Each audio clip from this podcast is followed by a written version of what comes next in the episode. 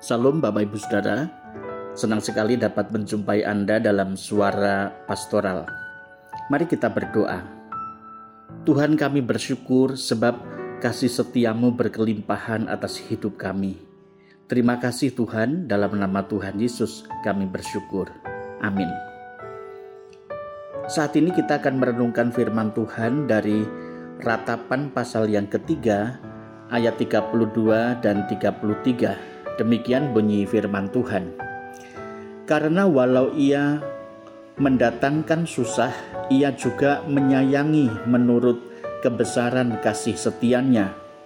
Karena tidak dengan rela hati ia menindas dan merisaukan anak-anak manusia. Kasih setia Tuhan atas kita.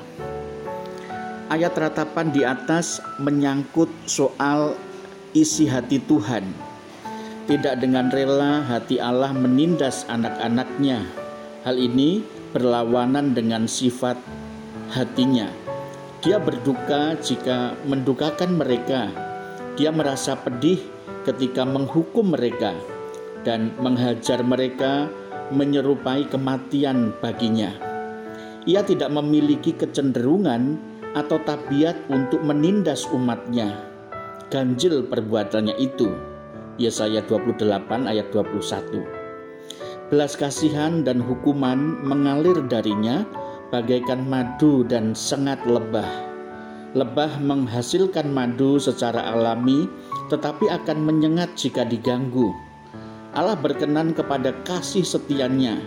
Mika 7 ayat 18 dan tidak suka membiarkan umatnya di dalam penderitaan. Hosea 11 ayat 8 kemurahan dan kebaikannya mengalir secara bebas dan alami.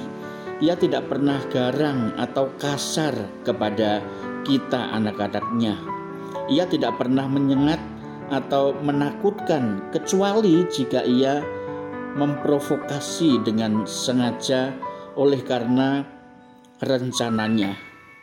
Tangan Allah mungkin menekan keras umatnya ketika hatinya menyayangi mereka Itulah yang menjadi alasan kenapa kemudian Allah mendidik dengan tegas umatnya.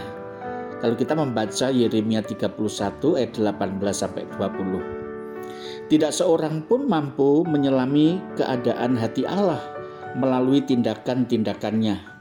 Tangannya mungkin menekan sangat keras terhadap mereka yang dikasihinya seperti Ayub dan Lazarus oleh karena itu, jadilah tenang, tinggalkanlah kerutuan, sungut-sungut, keluh kesah, kesalahan, dan panas hati, tetapi tutuplah mulut Anda atas semua hal yang terjadi oleh karena tindakan Allah.